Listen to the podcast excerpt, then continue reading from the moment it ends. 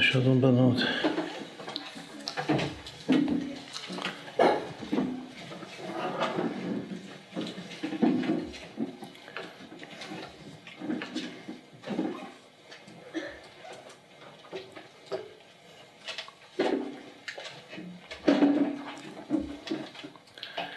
אנחנו מתחילים היום את פרשת חיי שרה, האימא הראשונה, המקור של עם ישראל. כתוב שחיי שרה זה מאה שנה ועשרים שנה ושבע שנים, שני חיי שרה.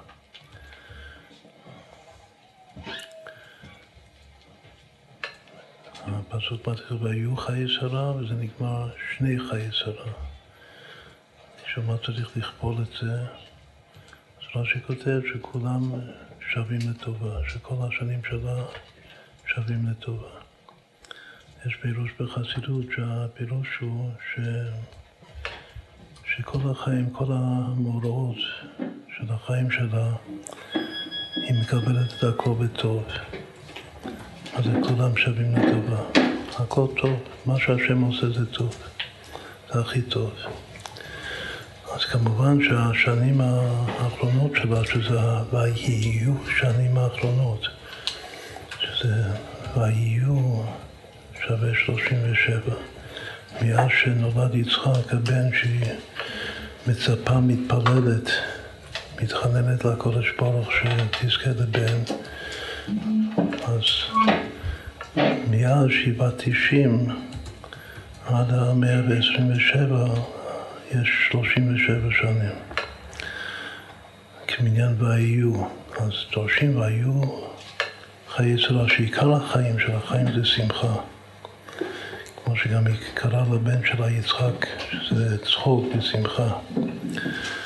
אז עיקר הצחוק, צחוק עשה לי אלוקים כל השומע יצחק לי. השמחה שלה בחיים זה השנים האחרונות שיש לה, שהיא כבר אימא, שיש לה בן. אבל הסוף של הפסוק בא לומר שאף על פי כן כולם שווים לטובה. שגם קודם, שהייתה במצוקה נפשית כל השנים, היא גם כן בפנימיות, היא קיבלה את הכל בטוב. שכל מה שהשם עושה זה טוב, זה הכי טוב. איך קוראים לזה בחסידות המידה הזאת? קוראים לזה מידת ההשתוות. כמו שיוויתי השם לנגדי תמיד, שהיות שהכל זה מהשם, השם, השם המיוחד, שם י"ק ו"ק, זה שם רחמים. אז הכל זה רחמי שמיים, יש שאני מבין את זה ומרגיש את זה, יש שאני לא כל כך מבין ומרגיש את זה, אבל אני מאמין, וזה יסוד האמונה, שהכל זה רחמים. הכל זה טובה, ולכן אני מקבל את הכל בטוב. גם מידת ההשתלבות.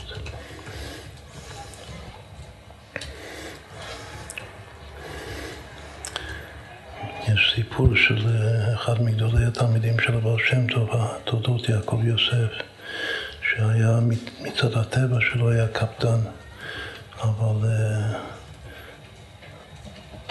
הבעל שם טוב לימד אותו שהוא צריך לא להקפיד אף פעם, בגלל שהכל זה מהשם, ולקבל את הכל במה שנקרא בשוויון נפש. ביידיש יש ביטוי זוזוי נזוי. שיהיה ככה. שאף על פי שרציתי שזה יהיה אחרת, אבל זה יצא לא כמו שרציתי,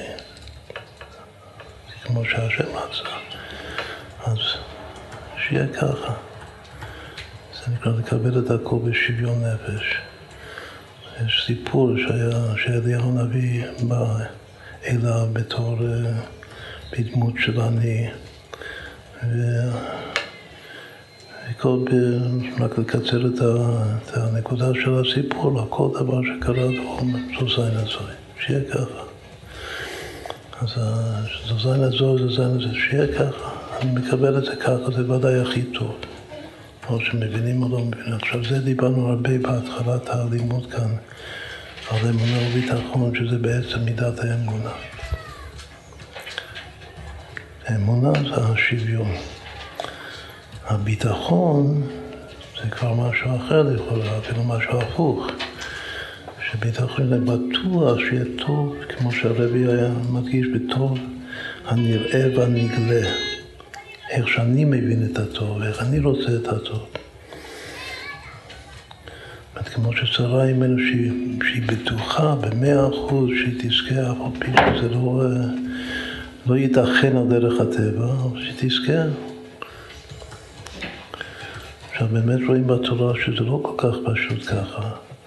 כתוב שגם אברהם אבינו, ש... שהתבשר מהשם בלידת יצחק משרה, בפרשת ברית מילה, בסוף פרשת לך לך, אז שמבטיח לו בן משרה, ואז הוא צוחק, כתוב שהוא צוחק מתוך אמונה שלמה בדבר השם. אחר כך שהמלאכים אמרו לשרה ששוב ושוב התמודדו לשרה בן, אז היא גם צחקה. שניהם צחקו. אבל מה ההבדל בין זה? כתוב שאברהם צחק והאמין באמונה שלמה. ושרה, שהיא צחקה, היה קצת לקלוג, זאת אומרת, זה לא ייתכן. איזה מין חיסרון קל בשלימות האמונה שלה. אז איך אפשר להסביר את זה? אחר כך כתוב שהיא הכחישה את זה, כי יריה לא צחקתי. שמוע.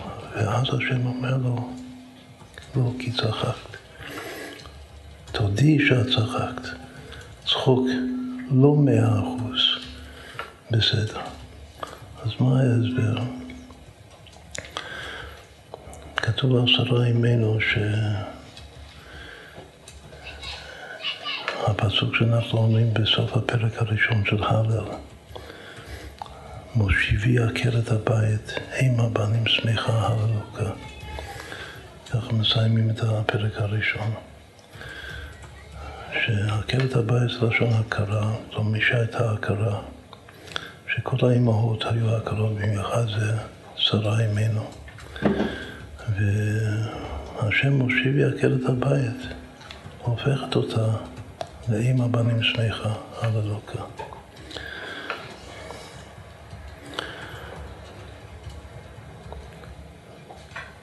בפרשת אה, ויירא שקראנו אתמול בתורה, אז כתוב השם פקד את שרה כאשר אמר, ויעש השם לשרה כאשר דיבר.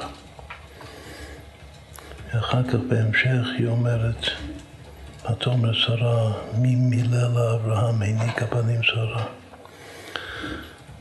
מי יכול לשער את הנס הגדול? זה אחרי שהיא אומרת, צחוק עשה לי אלוקים כל השומע יצחק לי. מי מילה לאברהם? העניקה בנים שרה. אז כתוב שיש שלושה לשונות של דיבור של אמירה. קודם כתוב, והשם פקד את שרה כאשר אמר. אחר כך ויעש השם לשרה כאשר דיבר. ובסוף היא אומרת מי מילל לאברהם. יש פה אמר, דיבר, מילל. זו הפעם היחידה בתורה, בחמישה חומשי תורה, שיש את השורש מילל מלשון דיבור. ואחר כך יש את זה כמה וכמה פעמים בנח, אבל בתורה אין עוד מילל, לשון דיבור. וזה סוד החשמל לפי אבר שם טוב, חשמל מל, שיש מל מלשון ברית מילה, ויעמול אברהם. את הפסוק הקודם אומר שאברהם קיים את מצוות מילה, ואחר כך ממילל, ממילה לדיבור. חז"ל דורשים את זה, ורש"י מביא בחומה שגיאומטריה, שמילל זה מאה בגיאומטריה. שזה רמז שאברהם הוליד בן מעט שנה. יש עוד רמז של המאה שנה של אברהם. הדיבור הראשון שהשם אומר לאברהם אבינו, לך לך מארצך אל הארץ אשר הרקע. לך לך שווה מאה, כלומר שתכלית ההליכה שלך שתזכה לבן, שמהבן הזה יהיה עם ישראל, שיקבלו את התורה ויביאו משיח. זה תכלית הכוונה של בריאת העולם. אז יש שני רמזים בגימטריה של המאה השנה של אברהם, לך לך ומילל. הראשי תיבות של אמר, דיבר, מילל, זה האדם. אברהם נקרא האדם הגדול בענקים. חוץ מאותיות אדם, שאר האותיות שוות שנות האבות כולן, 502. אברהם חי 175 שנה, יצחק 180 שנה, יעקב 147 שנה, ביחד זה 502 שנה. אמרתי, יש שכינה ביניהם בעוד הרבה רמזים חשובים. אז הלשונות האלה אמר ודיבר ומילל זה אדם פלוס המספר הזה, ביחד זה 547, שלוש המילים האלה, שווה שמע בקולה. הכל לכבוד שרה אימנו, שמכאן לומדים ששרה הייתה יותר גדולה מאברהם בנביאות, שהיא אמרה גרש את האמה הזאת ואת בנה, כי לא יירש בין האמה הזאת עם בני עם יצחק, ובהמשך פרשת ואלה אחרי שילדה את יצחק. אז היא גדולה מאברהם. עשרה ימינו דורשים איזו אישה כשירה, כשירה זה כשרה, העושה רצון בעלה, שהיא עושה, היא מתקנת, לעשות זה לתקן, היא מתקנת את הרצון של בעלה. אברהם היה חבל לו לגרש את ישמעאל, לא ישמעאל יחיה לפניך. אבל היא ידעה שצריך להפריד ביניהם, לעשות הבדלה. זה כמו ברית מילה, שזה מבדיל בין הקליפה לבין הקדושה. אז השם אומר שמע בקולה. אז מצד אחד היא גדולה מאברהם, אבל בכל אופן היא אישה, וכתוב בספרי הקבלה, יש אחד מגדולי המקובלים אחרי האריזה, הרמה מפנו, שמסביר על הפסוק והשם פקד את שרה, שפקד זה לשון חיסרון. כמו ויפקד מקום דוד. על פי פשט והשם פקד את שרה זה שהוא זכר אותה לטובה, לתת לה הריון. אז מה זה יכול להיות שפקד זה לשון חיסרון? אז הוא מסביר משהו מאוד חשוב לבנות לה, להתבונן בזה, בעבורת הזה שלו, ש, ששרה הייתה יותר גדולה מאברהם אבינו. ככה זה לא אי אפשר ללדת בן. זה כמו שני מלאכים שמשתמשים בקטר אחד, השמש והירח בהתחלה, שני המורות הגדולים, היו שווים בקומתם. כאן שרה אפילו יותר גבוהה מאברהם אבינו. כמו לעתיד לבוא כך יהיה, כך יתגלה. אבל במצב הזה היא לא מסוגלת להוליד. בשביל להוליד האישה צריכה לפחות לחשוב שהיא קצת יותר קטנה מהבעל. זה וורד של... עכשיו, אם זה אמת, זה אמת. אם זה לא אמת, אז זה מתאים לעולם הזה, בגלל שהעולם הזה זה עמד דשיקרא. זה עולם השקר. ש... מה זה עולם השקר? ש... שהאישה פחות מהבעל. בעולם הדקשות, בעולם האמת, שזה לעתיד אז באמת יתגלה במלוא קומתה והדרה ויופייה הדמות של, ה, של האישה שיותר גבוהה מהאיש. זה מתחיל משרה ממנו. בזה שהיא יודעת מי לקרב, מי לרחק, להרחיק. בכל אופן, ככה הוא מסביר ש... שה... שהשם פקד את שרה שהוא החסיר אותה כדי שהיא תוכל ללדת. שה, שהאישה קצת יותר קטנה מהאיש, אז נותנים לה פיצוי ילדים, שזה בעצם מה שהיא רוצה. מה שהיא באמת רוצה, כאילו הרצון הכי פנימי שלה זה להיות אימא, בשביל ילדים. אבל בשביל זה השם פקד אותה, או צריך להחזיר אותה, ואז היא זוכה כמו הירח, שהירח טענה שאי אפשר לשני מלאכים להשתמש בכתר אחד, אז מה השם אמר? לכי מעטי את עצמך. אבל מה, איך הוא פייס אותה? הוא נתן לה הרבה כוכבים. מה זה כוכבים? כוכבים זה בנים, זה ילדים.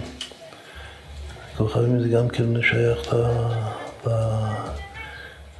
למה שאנחנו לומדים מהמשיח. דרך כוכב מהכל, כוכב זה בחינת משיח כזאת. כל ילד של האימא זה בחינת משיח. דרך כוכב מהכל. אבל בשביל לזכות בהרבה כוכבים, שזה הרבה ילדים, הרבה בנים, אז בהשם פקד אותה. צריך קצת לתת לה להרגיש פחות, חסר. איך אומרים את זה? זה כלל גדול, ירידה, צורך עלייה. כאילו שעיקר העבודה של ירידה, צורך עלייה, זה אצל האישה. זה לימוד מאוד, מאוד חשוב. כאילו, האיש אין לו כוח, אין לו אה, מוחין להכיל את זה. לית כל מוחה סביל דה. אבל אצל האישה יש לה את המוחין להכיל את המיעוט. בסופו של דבר, שהשם מפייס, שתכליס זה מה שאת הכי רוצה. מה שאת הכי רוצה זה משיח. להוליד שמשיח ייוולד ממך. שהכוכב יצא ממך, הדרך כוכב מיעקב, וקם שבט מישראל. בסדר, כל זה זה ההקדמה, שאיך רש"י מסביר את ההבדל בין אמר לבין דיבר. הפסוק אומר, והשם פקד את שרה כאשר אמר, ויעש השם לשרה כאשר דיבר. אז רש"י אומר שאמר זה ההיריון, שהשם הבטיח להיריון, והדיבר זו הלידה. יש, כל אחד יש פסוק שרש"י מביא. יש פסוק שהשם אומר לשרה שהיא תלד בן, זאת אומרת שהיא, תיכנס להיריון, ויש פסוק שני ש, שהיא תלד בן. הפסוק הבא כתוב ותער ותלד, כמו שיש הרבה פסוקים על אישה שיש שני שלבים. שלב הראשון זה הריון, שלב שני זה לידה. אחר כך, ממילא, אחרי הלידה, שכבר מחזיקים את הילד, התינוק, אם הבנים שמחה, את האימא המאושרת, אז משבחים את הקודש ברוך הוא, תחולה שאומר שממילא זה לשון שבח. משבחים את השם ממילא לאברהם העניק הבנים שרה. אז בעצם יש שלושה שלבים, הפעלים כאן, יש פועל של הריון, שזה אמר, ופועל של דיבור, שזה לידה, ואחר כך הילול, שבח, הקודש ברוך הוא, שזה שמחה, שמחה פורצת גדר.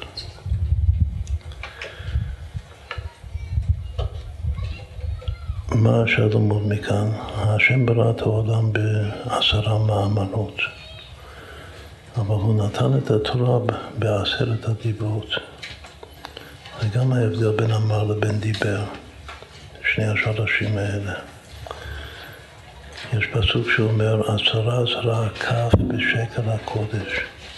אז דורשים את זה שיש עשר מול עשר.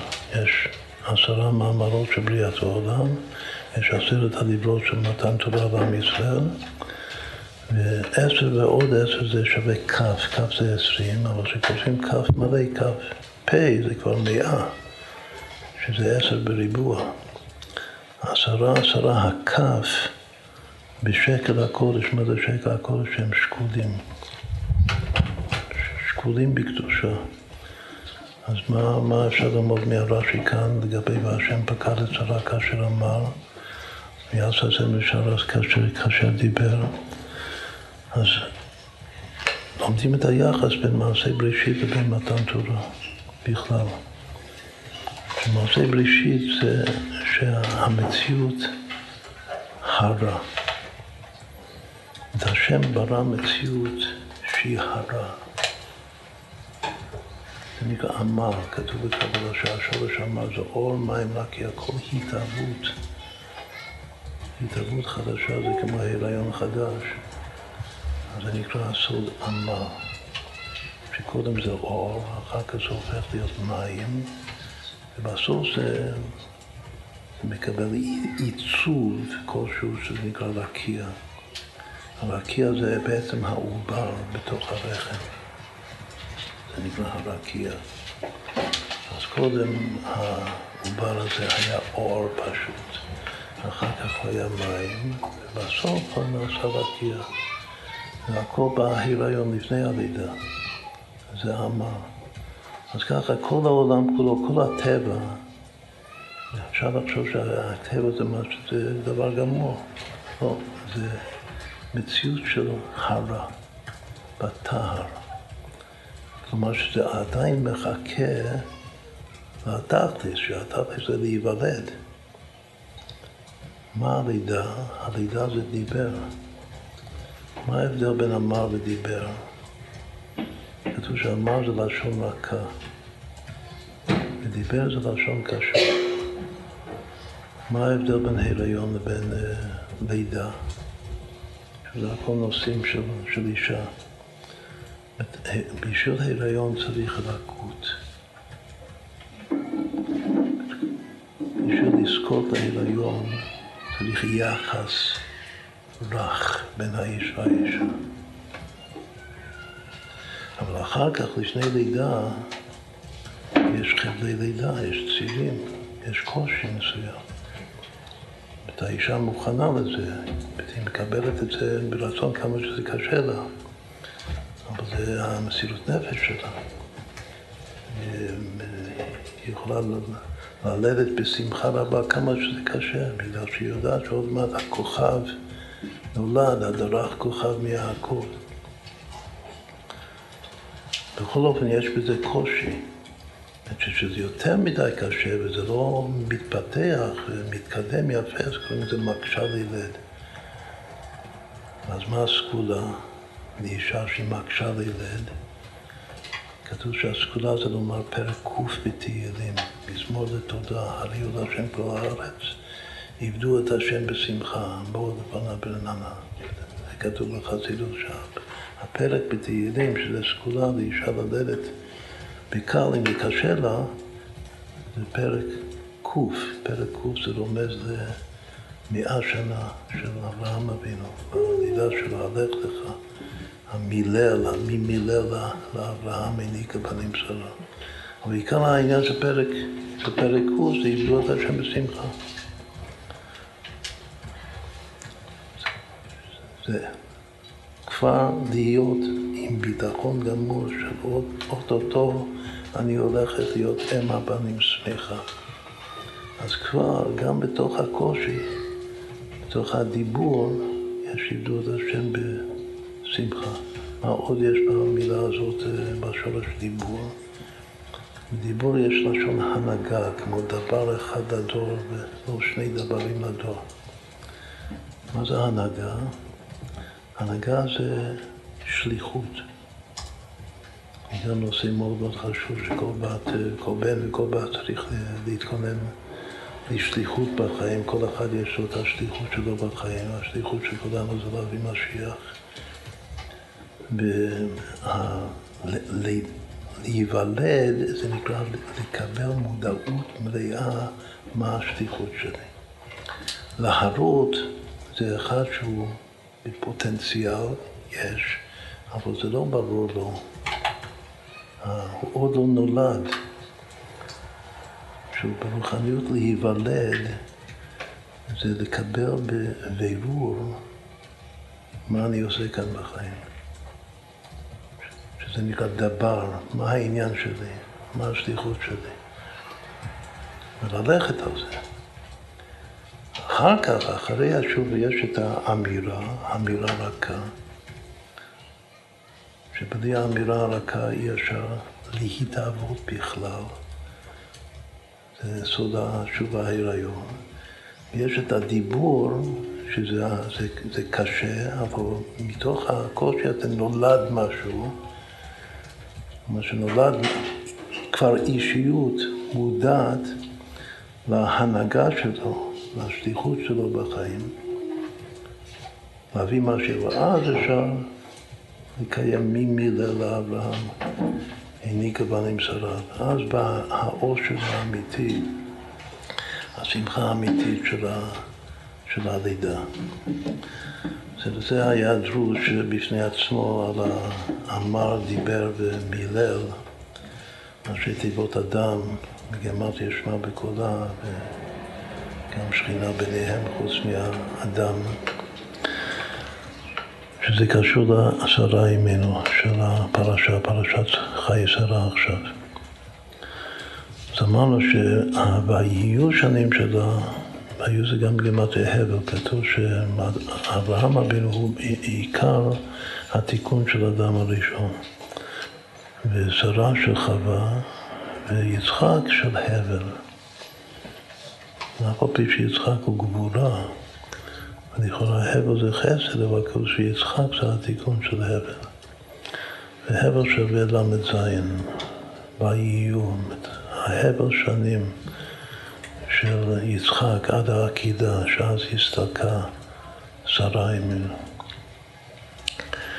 והיא חיה את המאה ה-27 שנים שלה, כולם שווים לטובה, והמספר הזה, 127, הוא מראה על שלמות.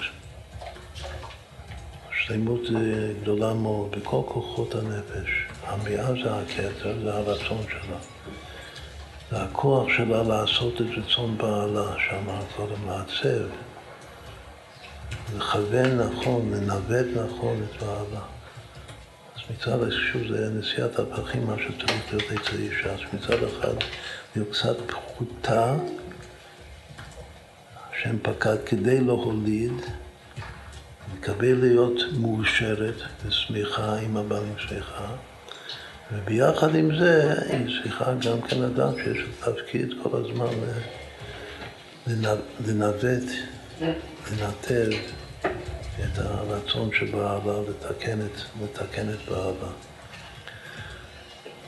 וממילא את כל המשפחה. זה המאה, זה המאה של הרצון, כוח הרצון של המאה זה כתר, זה עשר פעמים עשר. אחר כך העשרים שנה זה השכל שלה. עיקר השכל זה חוכמה ובינה. כל אחד כלוא מעשר זה עשרים. בכתר כל אחד כלוא ממאה, זה ספירה אחת, אבל זה עשר פעמים עשר. לכן זה מאה. בחוכמה ובינה זה עשרים, ובמידות של הלב זה שבע בדיוק. בלי התקדדות, כל מידה היא ענף בפני, בפני עצמו. כתוב שהמאה זה כתר, והעשרים זה חוכמה ובינה, זה השכל, והשבע זה המידות. אז היא ממש שלמה בכל כוחות הנפש שלה, המספר הזה.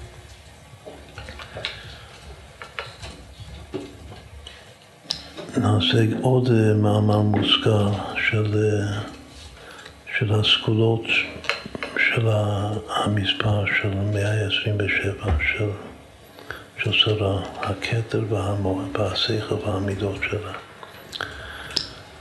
יש מספרים שבחשבון קוראים להם מספרי שבת.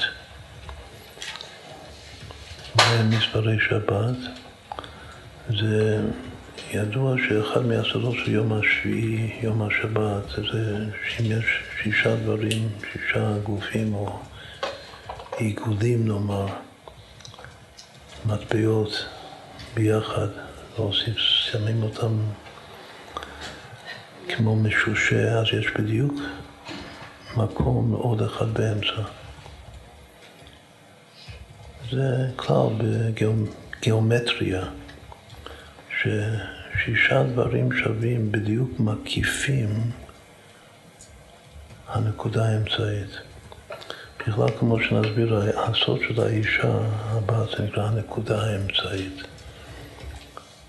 כתוב שהשם ברא את העולם מתוך הנקודה האמצעית של האור אינסוף, שזה בעצם מתוך השכינה. השכינה זו האישה כביכול. שם בנקודה האמצעית השם עשה צמצום, צמצום זה כמו והשם פקד את שרה זה החיסרון, בשביל אחר כך להמשיך שם קו, שהקו זה ביטחון, הסברנו שעצם הצמצום זה המצב של אמונה, והקו שנמשך לתוך החלל זה נקרא הביטחון. ומזה נולד, מזה השם קודם אמר ואחר כך דיבר ובסוף ממלל. עכשיו, מה יהיה אם אנחנו נוסיף עוד עיגול מסביב לששו? תחשוב, תיקחו, אה, זה צריך לעלות לכל ילד קטן בגן. כל מי ש... או שלהיות גננת או להיות אימא, זה אחד מהדברים הכי יפים, זה פשוט לקחת שבע מטבעות, לראות איך שש מטבעות, אותה מטבע, מקיפות בדיוק אחד באמצע. זו סגולה מיוחדת של המספר הזה 127, שעד אז כל הסדרה שווה שבע כפול שבע כפול שבע. זה, תרגיל, זה תרגילים או שעשועים של, של גיאומטיה, זה טוב לדעת.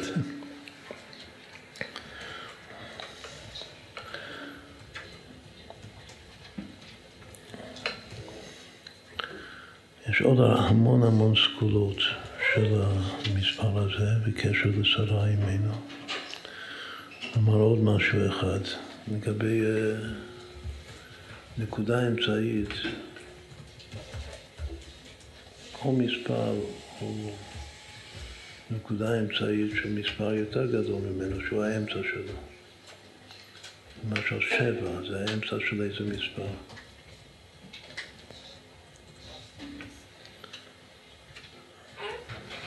כל מספר הוא האמצע של פעמיים המספר מינוס אחד. אם יש לי 13 תפוחים בשורה אחת, כמו י"ג מידות הרחמים, אז האמצע זה השבע. בגלל שמכל צד, מכל כיוון זה השביעי. שלוש זה האמצע של חמש. ארבע זה האמצע של שבע. אז השאלה, 127 זה הנקודה האמצעית של איזה מספר? הנקודה האמצעית של 253. אז שפעמיים 127 זה 254 מינוס 1, 253. שהוא הסגולה של המספר הזה זה המשולש של 22 אותיות האלף אבל עכשיו נעשה עוד פעם אותו תרגיל. המספר 253 זה הנקודה האמצעית של איזה מספר?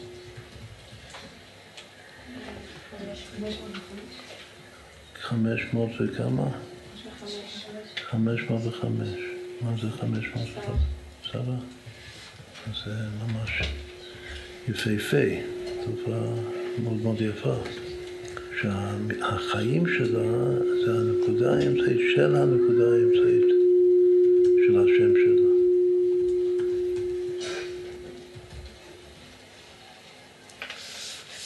אלה דוגמאות של דברים יפים שכדאי לדעת וגם להעלות את זה הלאה. עכשיו נתחיל לקרוא כאן בביאור, הגענו לביאור ו' במאמר שלנו, שזה קשור לדמות האם. ממילא זה קשור לשרה אימנו, לכן רצינו דווקא ללמוד את זה היום, שזה ההתחלה של פרשת חיי שרה. המשיח אומר לרבי יהושע בן לוי, שהוא שואל אותו מתי אתה בא, מה שהוא אומר לו היום. בביטחון גמור, אני בא היום. כשהוא לא בא באותו יום, אז יהושע בן לוי יש לו טענות נגד משיח, שהוא לא דיבר אמת. אז הוא הולך לאליהו הנביא ושואל אותו מה זה, שמשיח שיקר לי. הוא אומר שלא הבנת נכון את ה... מה שהמשיח אומר, הוא באמת אמר את המילה היום, הוא התכוון לפסוק בתהילים שכתוב היום אם בקולות ישמעו. שזה היום שלו זה מצד אחד זה ביטחון, שאני אבוא היום, אבל מצד שני זה מותנה. יש בזה תנאי. מה התנאי? התנאי זה אם בקולות תשמעו. הרמב"ם פוסק את ההלכה שסוף ישראל, בסוף גלותם לעשות תשובה, מיד הם נגאלים. אז ברגע שיעשו תשובה, שזה נקרא אם בקולות תשמעו, אז מיד יבוא המשיח. תבוא הגאולה, אין ספק, בטוח. אבל אם, כאשר זה יקרה, זה תלוי בנו. אז מה זה תלוי? אנחנו יודעים שגם אצל הרבי זה לא פשוט, הדבר הזה, בגלל שהוא גם אומר ש... שאני את שלי עשיתי ושעכשיו אתם עשו כל אשר ביכולתכם להביא את המשיח תכף מיד ממש, שזה כאילו תלוי בכם. לטכס עצה לבד, שזה אם בקולו תשמעו.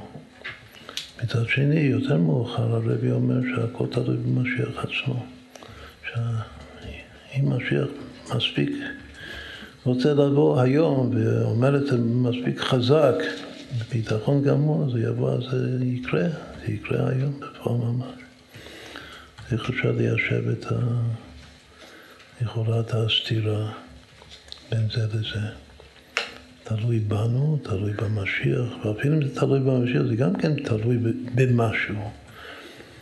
מה שגם יש פה איזה אם, איזה תנאי. כתוב שהמילה תנאי זו מילה מאוד, אה, מאוד מיוחדת, זה גם אותיות טניה. כאילו כל הספר טניה זה איזה,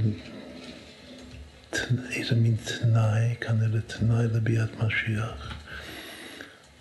שנעבוד את השם כמו שכתוב בספר התניא. שנלמד את זה על ליבא דנפשי. נקיים את זה. אני גם להיות איתן, כמו שתכף נראה כאן בפנים. שאיתן אלו האותיות המשמשות לעתיד לבוא, כלומר שזה כוח להביא לימות המשיח, להביא לעתיד, להתחבר לעתיד הנעלם, לממש ולהגשים את הייעוד של העתיד. זה אותיות איתן. איתן זה גם כינוי של אברהם אבינו, מזכיר לאיתן האזרחי, ככה מתחיל פרק פט בתהילים, שהאיתן האזרחי זה אברהם אבינו, אז הכל מתחיל ממנו, האיתן, התניא, קיום התנאי. השם ברא את העולם בשביל משיח, אבל יש תנאי. התנאי זה אם מקולות תשמעו, מי מתחיל לקיים את זה? אברהם אבינו. ואחריו יצחק ויעקב ועם ישראל. שעד מתן תורה זה עדיין בהיריון הכל, מבריאת העולם. במתן תורה זה כבר הופך להיות הלידה, שליחות, את ייעוד ברור, אבל צריך לקיים את זה. עכשיו המילה, מילת המפתח כאן זה המילה אם. אנחנו אוהבים כידוע להתבונן וללמוד על מילים קצרות. רק של שתי אותיות, זה נקרא רל"א שערים של לשון הקודש. אז עכשיו הביאור הזה, ובכלל זה פרק מאוד מאוד חשוב בלימוד שלנו על משיח, זה ללמוד את השער א' אם. שאם זה גם אם, כמו שנראה תכף. לכן זה אימא ולכן זה שרה אימנו. לכן זה גם חווה, האישה הראשונה ש... שהיא נקראת חווה מפני שהיא אם כל חי. עצם הביטוי חיי שרה, שווה אם פעמים אחד, פעמים שלוש עשרה. הכל אם, אם. עכשיו, בלי המילים בקולות תשמעו, שתי המילים הראשונות של הפסוק הזה, של הביטוי הזה, זה היום אם. כאילו עד עכשיו למדנו רק את הסוד של המילה היום, עם כל מיני היום שיש בתנ"ך. ועכשיו הביור כאן הוא שצריך להבין שהיום הזה הוא הולך ביחד, יש משהו מהותי, משהו עצמי, שהיום, שזה ביד משיח היום, זה הולך ביחד עם המילה הזאת הקצרה, אם, שזה גם אם. זה תלוי עם משהו, תלוי באם, כלומר שבעצם תלוי באימא. איפה פגשנו את המילה אם בביאורים האחרונים שלמדנו?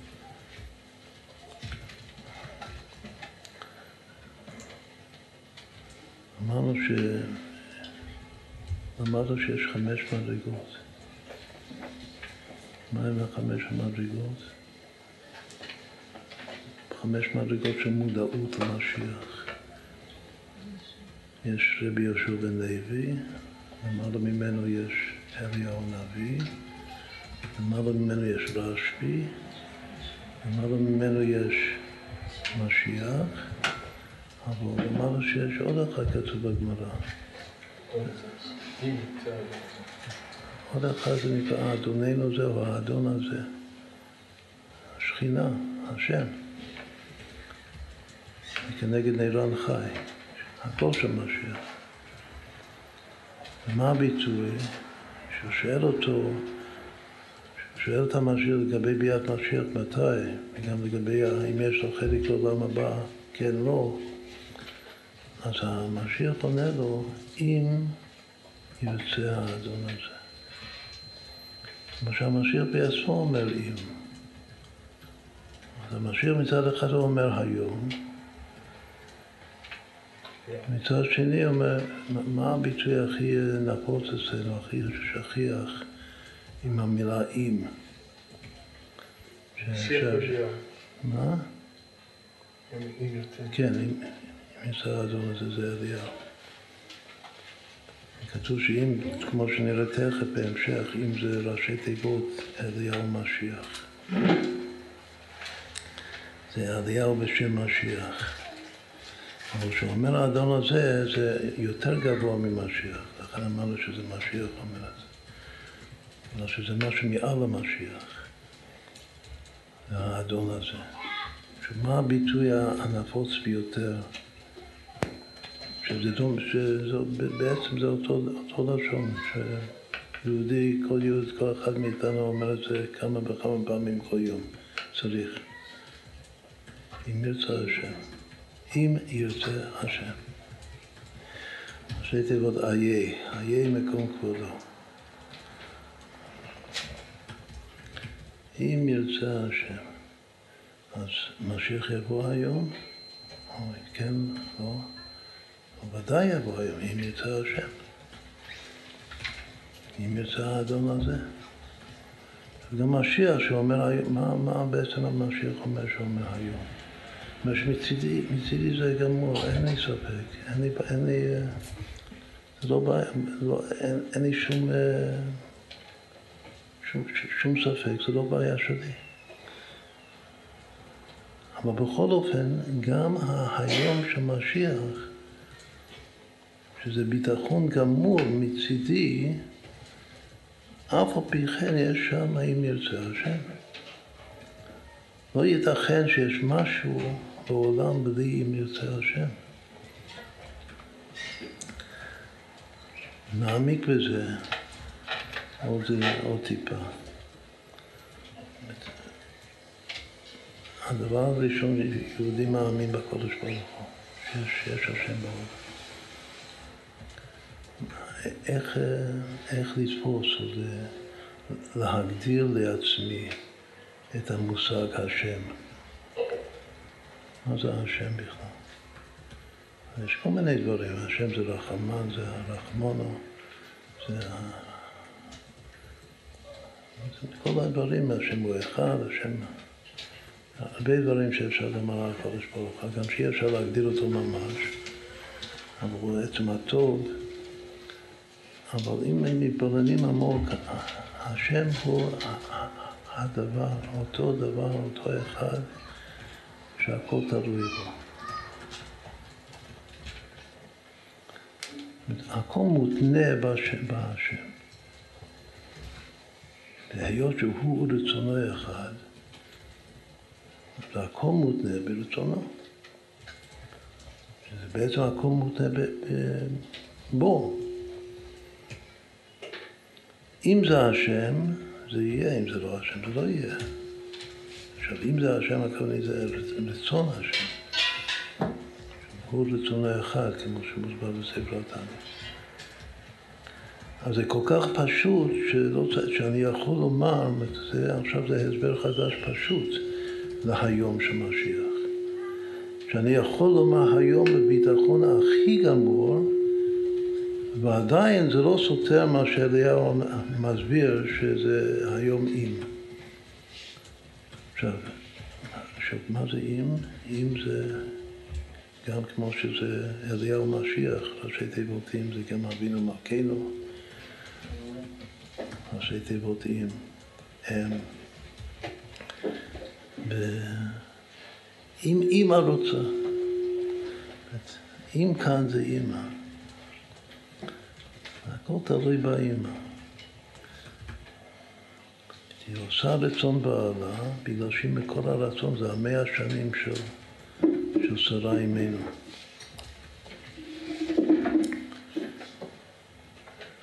צריך שוב להתבונן בזה, שיש דבר אחד שהכל תלוי בו, הכל מותנה בו.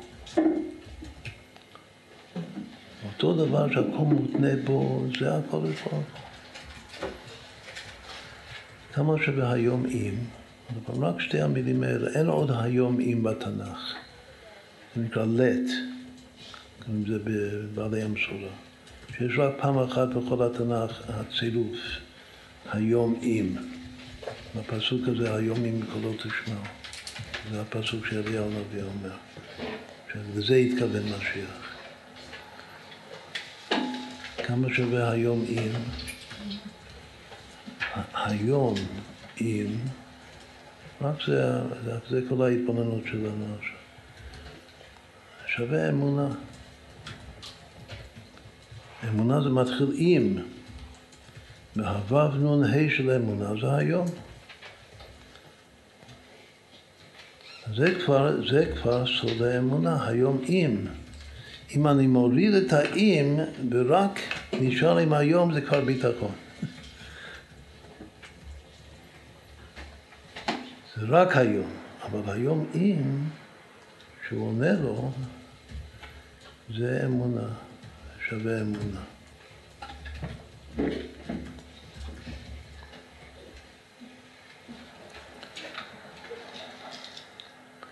הפסוק שאמרנו קודם, או שבי עקרת הבית, אימה בנים שמחה, אימה בנים שמחה, הלוקה, זה, זה כפולה, זה 21 פעמים אמונה, פעמים היומיים. זה מתחלק ככה שהאמצעי תיבות זה שמונה פעמים אמונה, הראשי וסופי תיבות זה 13 פעמים אמונה, זה פסוק מאוד מיוחד של אמונה. כלומר, לזכות להיות אימא שמחה צריך אמונה.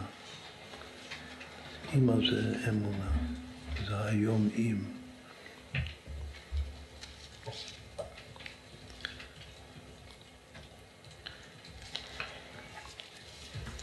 אז בואו נקרא עכשיו בפנים אחרי כל זה. והנה עיקר לשון תנאי בתורה הוא אם. המילה של תנאי בתורה זה המילה הזאת הקצרה, אם. וכמו בפסוק זה שלנו, אם בקולות תשמעו. והוא בסוד אם הבנים שמחה. כל אם זה אם. מאיפה לומדים את זה? כתוב במשתה יש פסוק אם, כתוב אם לבינה תקרא. אם לבינה תקרא. קוראים לבינה אם, תכף נסביר למה זה בינה. אם לבינה תקרא, אבל דורשים את זה, אל תקרא אם, עם חיריק, אלא אם עם צבע. כלומר שזה מאמר חז"ל, שחז"ל אומרים בפירוש שהמילה הזאת אם זה אם, זה אימא. אז מה לומדים מכאן? לומדים ש, שהגדר של אימא של כל אישה כאן, שזה המעלה בעצם של האישה, זה גם כאילו מעלה וגם חיסרון, תלוי איך מסתכלים על זה. אבל המעלה של האימא שזה מודעות של תנאי, שהמציאות מותנית המציאות מותנית בקודש ברוך הוא בסופו של דבר, אם ירצה השם. יש עוד ביטוי דומה ל"אם ירצה השם". מה עוד אפשר לומר? שוב, שגם אומרים את זה כמה פעמים פה היום, במקום אם ירצה השם. זה משהו דומה לזה, אבל קצת טיפה אחרת, אומרים בעזרת השם. מה ההבדל בין אם ירצה השם, שאני אומר אם, אם ירצה השם, לבין שאני אומר בעזרת השם? קודם כל שתיהן זה, אם ירצה השם, זה כמו שכתוב כאן, אם זה אם. מה זה בעזרת השם? מה זה מזכיר? בעזרת השם זה מזכיר איזה כנגדו. בעזרת השם זה כמו האישה של השם. אבל מי האישה של השם? זה השכינה, זה כנסת ישראל. זה המלכות. כתוב שבי"ת כו' יש ההא הראשונה וההא השנייה. מה ההבדל ביניהם?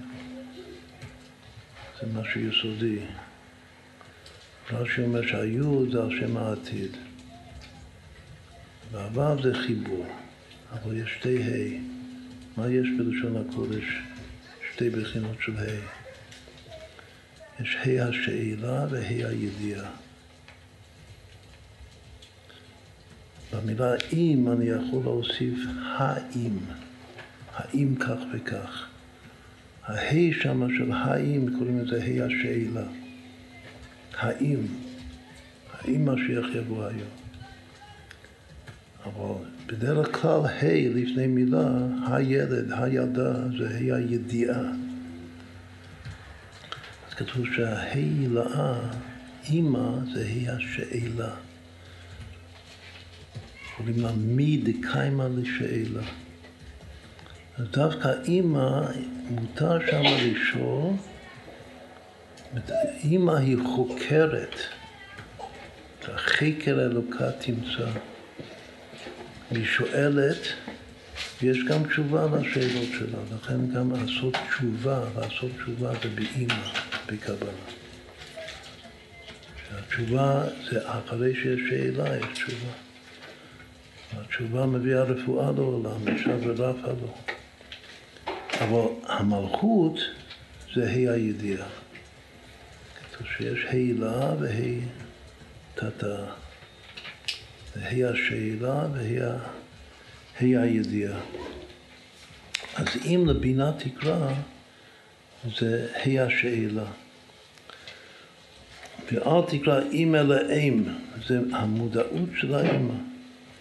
בסוד התגלות עתיקה, עכשיו אנחנו נקרא קצת מהר בגלל שזה גם מושגים אה, עמוקים, שכמה שנבין נבין, וגם כדי שנספיק פה. כתוב שהתגלה, קודם נאמר בעל פה מה, מה כתוב כאן. כתוב שבאימא דווקא מתגלה פנימיות הקטע. שקוראים לזה התגלות עתיקה באימא, שזה העושר, מה שבסוף האימא היא מאושרת, שאימא בנים שמחה. אחרי הירידה צורך עלייה שלה.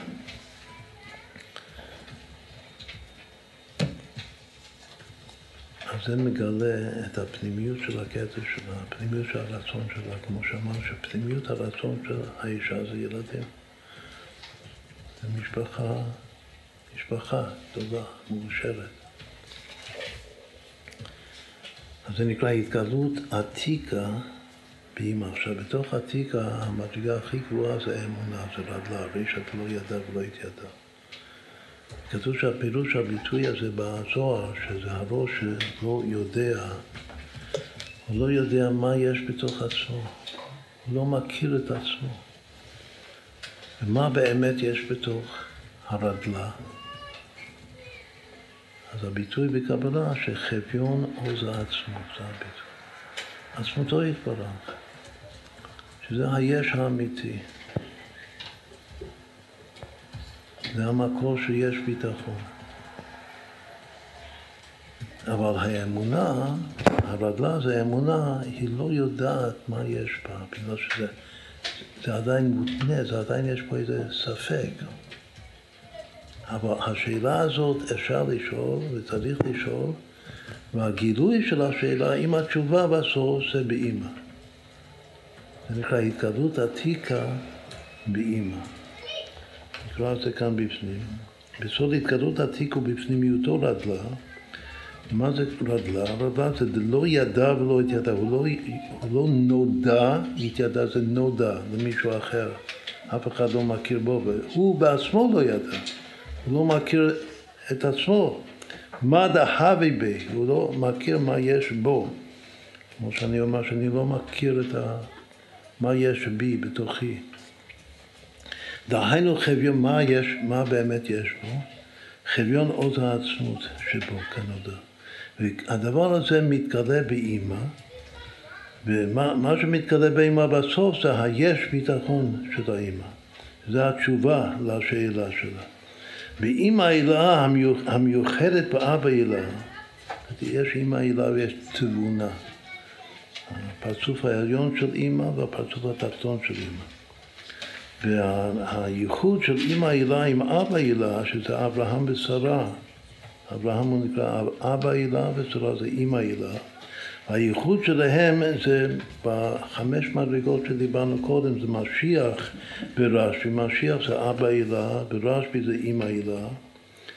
זה כתוב שרשב"י בספר הזוהר שלו זה, זה הזוהר של אימא הילה. וזה למדנו קודם בביור קודם, זה נקרא היום לעשותם. זה נעשה ונשמע. נעשה זה בחינת ראייה של אבא הילה, ונשמע זה כמו רשב"י שמעון של אימא הילה, והם כאחד ממש, היום לעשותם. וזה בחינת יש ביטחון. מה זה היש? זה העונג הנעלם הבא במורגש. זה הכל מושגים עמוקים שלא צריך להתרגש מזה יותר מדי. עכשיו, בבחינת יש, יש, כלומר העונג הנעלם הבא ומורגש, שזה באותיות של קבלה זה הבינה של הרדלה. העניין הזה שהעתיקה מתגלה באימא זה נקרא אכה, אשר אכה אכה של עתיקה, מתגלה בתוך האכה של אימא. אז על ידי כל זה, על ידי ההתגלות של עתיקה באימא, בסוד, יש ביטחון, שזה החביון הזה, העצמות מתגלה. אז מתקיים התנאי. ומה זה התנאי? זה אותיות איתן, המשמשות לעתיד לבוא, ודע כמו שהסברנו את זה קודם. וזהו שאליהו הנביא, סוד המודעות לתנאי. מה, מי זה אליהו הנביא עכשיו? החידוש שאנחנו עכשיו מחדשים. שאליהו הנביא הוא זה שאומר לרבי יהושע בן לוי שיש פה תנאי. כלומר שהוא, המודעות, הוא למטה מהתנאי, התנאי זה באימא. הוא בזה, הוא למטה מהתנאי, אבל הוא מודע, יש לו דעת שהדבר הזה הוא מותנה. זאת אומרת, אליהו הנביא זה המודעות לתנאי, שהמציאות שאתה מוצא, שזה משיח, זה מותנה במשהו. עכשיו, בסופו של דבר זה, זה מותנה, במה זה מותנה? זה מותנה בהשם. אם ירצה השם. אז הוא אומר, וזהו שאליהו הנביא סוד המודעות לתנאי ומימוש הייעוד. אליהו יודע שמתי שמשיח יבוא, רק עם התנאי הזה, שאני מודע שיש תנאי בכלל, שהתנאי הזה יתממש, כלומר שיקיימו את זה, את ה"אם בקולו תשמעו". שסוף ישראל לעשות תשובה בסוף גלותן, ומיד הם נגלים, כמו שהרמב"ם כמו שבעצם הרמב"ם הוא כמו אליהו הנביא. במדרגות שלנו, אז הרמב"ם הוא אליהו הנביא. שזה מודעות מלאה לתנאי, שיש פה תנאי, וצריך לקיים את התנאי. בפועל. איך מקיימים את התנאי בפועל? אנחנו, מה אנחנו צריכים לעשות? זה גם, גם מה שהרבי אמר, איך עושים את זה? על ידי תורת פעולה ומשיח. צריך להפיץ חסידות. במיוחד החסידות שמדברת בפירוש על גאולה ומשיח. צריך לדבר על מלכות ישראל, אמרנו שהשנה הזאת שנת שמיטה, זה שייך ללימוד והפצה של מלכות ישראל במיוחד. אז זה ככה, ככה המימוש של התנאי, הקיום של התנאי. אז אליון אבי הוא עומד כאב דקמא מרי, הפיתחא דמרתא דרשב"י, כתוב בגמרא שהוא עומד כמו שומר על הפתח, כמו שאליעזר עבד אברהם הוא שומר על הפתח של מערת המכפלה, של האבות, אז כתוב שאליהו הנביא עומד על הפתח של המערה של רשב"י. עכשיו מי זה רשב"י כאן? זה, זה עצם התנאי, זה אימא. והוא המודעות לזה, והוא משמש את זה, הוא עומד שם. שזה מקום, מה, מה זה המערה של רשב"י? המערה של רשב"י זה המקום שהמשיח מתחבר עם רשב"י. הנעשה ונשמע שאמרנו הרגע. ושם עומד אליהו הנביא, שזה מקום הזיווג, זה אותיות איתן, המשמשות לעתיד לבוא. שזה נקרא, ואיזה מקום בינה, זה המקום של הבינה, ששם באותו מקום החוכמה מתייחדת, האבא מתייחד עם האימא. ושם עומד כמשמש אליהו הנביא. וכן מסור בשם הרב הגר, שמשהו דומה לזה, שאליהו הנביא, אנחנו לא מציירים בדרך כלל את אליהו הנביא כשומר הפתח. מציירים אותו בכל מיני ציורים מופלאים ביותר, מי זה אליהו הנביא. אבל כאן יש ציור מיוחד שאליהו הנביא הוא כמו אליעזר עבד אברהם. איפה יש משהו דומה לזה?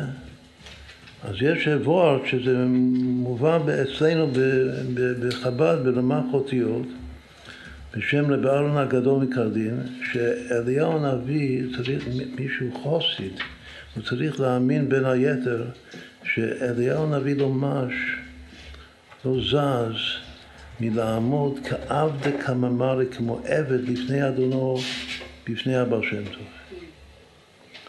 והבעל שם טוב כאן זה, זה רשב"י במשיח ביחד. אז עוד פעם, אסור בשם הרב הקדוש לברנו קרלין שאליהו הנביא לא זז מדלת אמותיו של מורנו הבעל שם טוב ועמד לפניו כעבד כממרי, כמו עבד לפני אדונו, כמו שמוסבר ב... בקובץ הזה של וורטים מאוד אה, חריפים של חב"ד שנקרא במח אותיות. בסדר, אז עד כאן זה היה וורט אחד. שאם זה אם, ואם לבינה תקרא, נעשה עוד uh, תרגיל מאוד יפה. לפני שנמשיך את, ה, שנעשה את זה עוד יותר בקיצור. אם יש לי מאה שנה ועשרים שנה ושבע שנים של שרה אימנו, אז יש פה סדרה פשוטה, והתורה גם מחלקת. והיו חיי שרה מאה שנה בפני עצמו, עשרים שנה ושבע שנים. איך דורשים את זה? רש"י מביא את זה בחומש, שבת קוף כבת כ' לח', שהיא לא חטאה, ובת כ' כבת זין ליופי. אז רואים שכל מדרגה זה מדרגה בפני עצמה. שבע, עשרים, מאה. אם עושים מזה סדרה, מה הבסיס של הסדרה? הבסיס על ידי הפרשים, כמה יש בין שבע לעשרים? ההפרש. בין שבע לעשרים יש שלוש עשרה. כמה יש בין עשרים למאה? שמונים. אז שני הפרשים זה שלוש עשרה ושמונים. עכשיו הבסיס ההפרש של ההפרשים. ואז אפשר להמשיך את הסדרה הלאה. אז כמה, מה הבסיס של 127 שנים של בשרה אימנו? בין 13 לבין 80, כמה יש? 67. מה זה המספר הזה, 67? בינה. בינה יתרה ניתנה באישה יותר מבלי שזה נאמר עשרה ימינו. שהיא גדולה מאברהם בנביאות, יש לה בינה יתרה. בינה זה להבחין, להבדיל בין יצחק לבין ישמעאל. כבש את האמה הזאת ואת בנה. אז רואים שהמספר שמוביל, הבסיס זה המספר שמוביל את הסדרה. המספר שמוביל את הסדרה של החיים שלה, שזה שבע ועשרים ומאה, זה בינה. הכל, הכוח הפנימי שלה, העצמי שלה, זה בינה. אבל איך מחשבים עכשיו את המספר הבא? מוסיפים עוד פעם, כל פעם צריך להוסיף בינה להפרש. ואז להוסיף לשורה העליונה. מוסיפים בינה ל-80, זה כבר 147, שזה חיי יעקב דווקא, וזה מוסיפים למאה בשורה העליונה, ואז מקבלים את המספר הבא בסדרה, שזה 247. מאור. אבל הכי מעניין זה מה יהיה המספר החמישי. המספר החמישי זה, זה 147 פלוס 67 פלוס 247. זה יהיה 461, שזה המילה תנאי. את הסדרה הזאת של שבע, עשרים, מאה, זה מגיע לתנאי. אם מפתחים את זה שבעה מספרים, מספר השביעי זה עשר פעמים אם כל חי, אבל כל השבעה מספרים הראשונים אין שום הכרח לזה בכלל. זה שווה אקיה, השם של בינה של אימא זה השם אקיה בקבלה, כפול 127. גם תופעה מופלאה במי שיש לו חוש בחשבון. אני מתחיל משבע, עשרים, מאה, רואה שהבסיס, הבסיס זה כמו הזרם בנחל, כמו ב... בכל נהר יש זרם תחתון. זה הבסיס של הסדרה, שמוביל את הנהר הזה. כל סדרה זה כמו נהר. ומפתח את זה שבעה מקומות, רואים שזה שווה 21 כפול השלושה הראשונים, השבע ועשרים והמאה, משהו כדי פלאים. אז גם הרווחנו את המילה בינה, שזה הכוח הפנימי של שרה אימנו, וגם שוב חזרנו למספר השלם של 127. טוב, עכשיו נמשיך לקרוא את הפסקה הבאה, שגם נעשה את זה עוד יותר בקיצור. הפסקה הבאה זה על פי פסוק בתהילים פרק פ"ח, שהוורט הוא שהשורש אם, אנחנו מתבוננים באם, והדבר הראשון רואים בפירוש שחז"ל אומרים שאם זה בינה, זה אימא, בחינת בינה, ושאפשר לקרוא את זה במקום אם עם חיריק, לקרוא את זה אם עם צלם.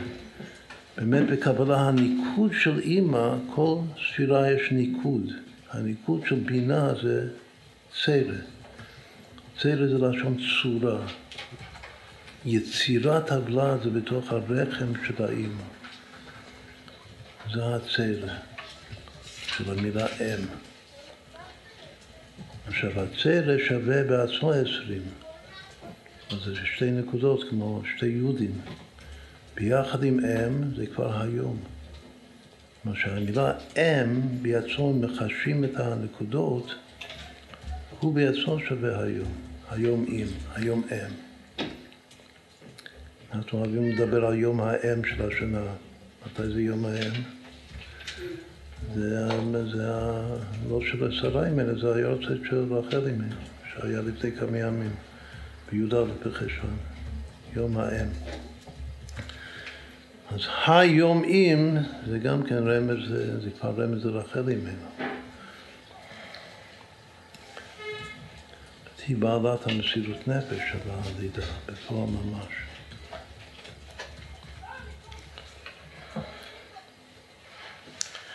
עכשיו, יש עוד משמעות המילה לשער א', יש הרבה דברים, אבל עכשיו מה שנלמד זה משמעות מאוד, מאוד מיוחדת, שזה לשון אימה. מה זה אימה? התורה ניתנה באימה וביראה וברטת ובזיעה. מה להלן באימה וביראה וברטת ובזיעה? אף כאן, באימה וביראה וברטת ובזיעה. התורה, קיבלנו את התורה מתוך יראה גדולה. אימה זה יותר מיראה, כמו שנסביר. אימה זה בחינת נורא. יש מושג אצל הבעל שם טוב שצריך לייחד את היראה שלי שזה התחושה הסובייקטיבית שלי עם המציאות האובייקטיבית של גילוי עצמותו של חביון הזה העצמות, שזה הנורא, עצם הנורא. קורא לזה ייחוד, יראה נורא. אימה, שזה יותר מיראה, זה בחינת נורא, נורא תהילות. עושה פלא. עכשיו אנחנו בשנות הפלא, שנות הפלא, שנה זה שנת בכל. עכשיו, יש ארבע פעמים בתנ"ך שכתוב אימה, את המילה הזאת אימה בלי י' באמצע. כלומר, מילה שזה כאילו רומז שאימה זה בעצם זה אם. על פי דקדוק, לפי הרד"ק לפי כל המדקדקים הראשונים, אז מה צריך להיות השורש של אימה? שורש זה שלוש אותיות. מה השורש של האימה? השורש האימה זה א', י', מ', היום, היום ונורא.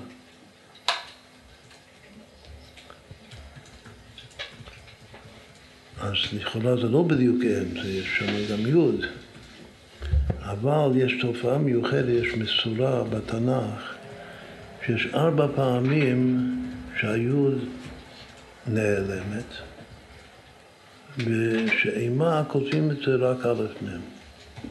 עכשיו, זה שזה ארבע זה מאוד משמעותי, בגלל שכמה אימהות יש? ארבע מי יודע, ארבע אני יודע, ארבע אימהות, יש ארבע אימהות לעם ישראל, החל משרה אימנו, קדם רחל אימנו. יש בדיוק ארבע פעמים אימה, איש, עכשיו, מידת היראה זה שייך לאישה. אישה יראת השם היא תתהווה. יחסית בקבלה האהבה זה שייך יותר לאיש ויראה יותר לאישה. עכשיו, היות שיש פה מה שאנחנו נראה שיש קשר בין אם ודווקא מה שיותר מיראה סתם, שזה אימה, שזה בחינת נורא, ויש בדיוק ארבע פעמים שכתוב אימה בלי יוד בתנ"ך, אז זה מאוד משמעותי, שזה קשור לאימא, ממילא זה קשור לתנאי. ממילא מה זה אומר לפי מה שלמדת בפסקה הקודמת? זה שהתנאי הזה, התנאי שמשיח יבוא היום, זה כנראה קשור לזה שצריכים להגיע למצב של אימה. עכשיו, מה הפסוק הזה אומר בתהילים? נסעתי, נסעתי לשון נשיאת טבחים. אבל נסעתי זה לקח. קיבלתי, לקחתי על עצמי, נסעתי אימך, האימה שלך אני נושא את זה. אפונה, עכשיו המילה הזאת המיוחדת, אפונה, מה זה? זה לא תבשיל. אפשר לחבר את זה, אבל אה, מה זה האפונה? אז בפשט זה מאוד, אה, מאוד לא ברור מה זה המילה הזאת, אפונה. יש ארבעה פירושים, אנחנו נביא פירוש או שני פירושים כאן, אבל יש גם כן, יש בדיוק ארבעה פירושים בפשטנים. מה אומר המילה הזאת? אבל זה גם כן משער של שתי אותיות פשוטות, פ"נ, כמו שיש שתי אותיות א' מ', אם, שאם זה אם, זה תנאי, אולי כן, אולי לא. אז גם פן, כמו שנראה תכף, זה גם כן שמע, פן כן, פן לא. יש קשר בין פן לבין אם במשמעות. שניהם זה, יש בזה משמעות של שמע. ששמע זה אמונה, זה לא ביטחון. ביטחון זה בטוח. אבל הפלא הוא שאחד מארבעה פירושים מה זה אפונה, שלפי רש"י זה בטוח. בדיוק ההפך. בסדר, אם כן יש פה פסוק מאוד, שלוש פעמים כתוב לשון אימה בלי יוד בספר איוב. בפעם אחת כתוב בספר תהילים, שזה הפסוק הזה. מה כל הפסוק בפרק פ"ח? כל הפסוק זה אני, אני וגובע מנוע. אני עם עין, אחר כך אני עם א'. אני, אני, אני, אני, אומר דוד המלך, וגובע מנוער, אני כאילו מת מנערותי, מה, מהצעירות שלי, עם תהליך של, של למות. וגובע מנוער, וכל הזמן, כל החיים שלי נשאתי אימך, אפונה, אני נושא, נושא זה גם סובל, אני סובל את האימה שלך, אפונה, אז צריך להסביר מה זה האפונה. כאן, מה זה אומר המילה הזאת. עכשיו, מה זה אימך? אימך זה נורא תהילות, זה בחינת נורא, כמו שנראה ברש"י, נורא תהילות שהשם הוא יאי, הוא, הוא נורא מ... נורא תהילות, הוא, הוא, הוא נורא מ, מלשבח אותו, אסור, אי אפשר לומר עליו שום דבר. מה הלשון של רש"י? ירוי מלהגיד תהילותיך, פן ימעטו. כמו שכתוב לך דומי התהילה, אני קורא הלאה קצת. השם הוא נורא תהילות, הוא ירוי מלהגיד תהילותיך, פן ימעטו, הנה המילה פן, אפונה. כמו שכתוב לך דומיה תהילה, התהילה שלך זה לשתוק, זה חש, חש לפני מל. עכשיו, בפני איזו מדרגה השם הוא נורא תהילות?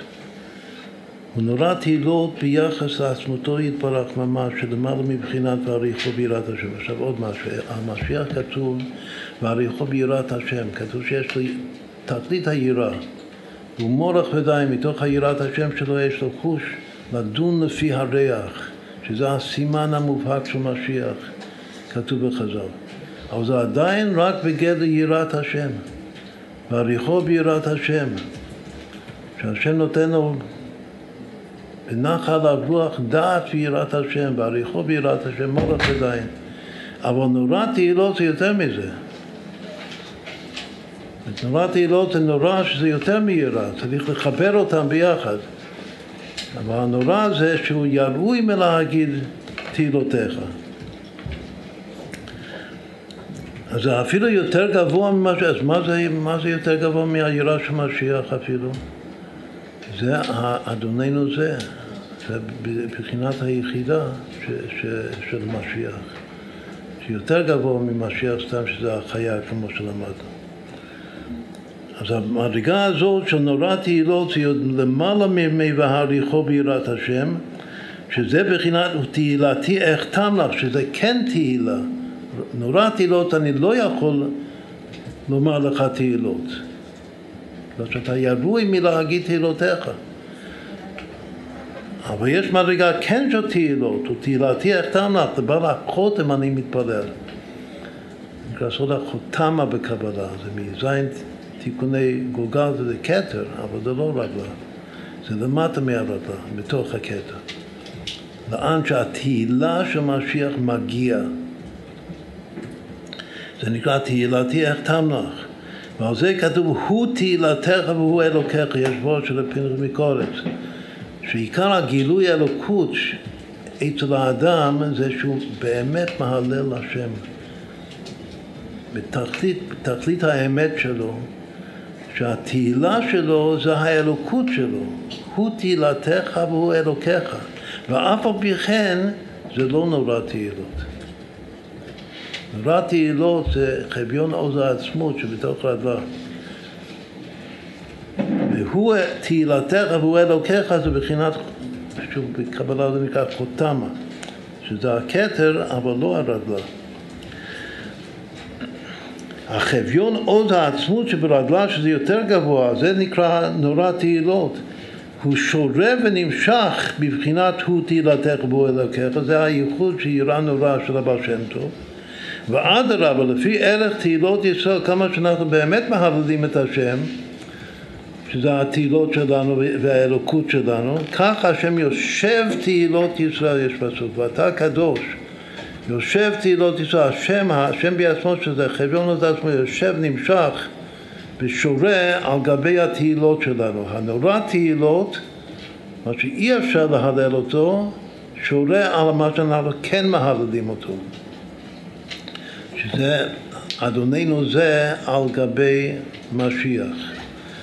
כך יושב ביניהם בחינת אתה קדוש ממש, כמבואר במדרש. שיר השירים, הפסוק דומה דודי לצבי וכולו וכולו, עד סוף הסוגריים כאן. הוא פירש הרד"ק, עכשיו, זה, זה מה שחשוב לנו. מה זה המילה הזאת, אפונה? אז הוא מפרש בספר השורשים ערך בשורש פ"ו נון, הוא כותב שהאפונה בפסוק הזה הוא פועל הנגזר מלשון פן ושמע. לוקחים מילה פשוטה ועושים מזה פועל, והוא מביא עוד כמה דוגמאות. מהמילה הנה ותהינו. ועוד כמה דוגמאות של מילה קצרה עושים מזה פועל. אז יש מילה קצרה פן, שזה שמע, וכשעושים מזה פועל, אז, אז יוצא המילה הזאת אפונה. ומה הכוונה? כלומר, למעליותא, אפשר לפרש את השם הזה למעליותא או לגריותא. לגריותא הכוונה שאני מסופק. או שכן, פן כן, פן לא. שמע. אבל למעליותא המילה פן זה מלשון פנים. זה פנימיות. שזה מציאות פנימית, כאשר כל כולו פנוי עכשיו, יש עוד פירוש, כבר נאמר את ארבעת הפירושים שלא כתוב כאן, את כולם.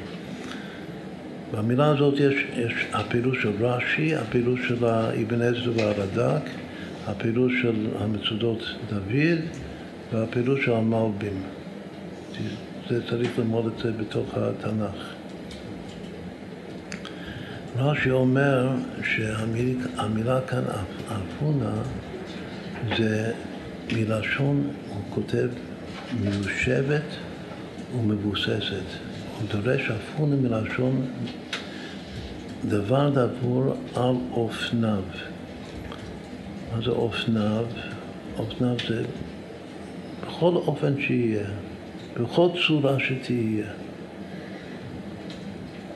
נשאתי אימך, אני נושא, סובר את האימה שלך בכל המצבים.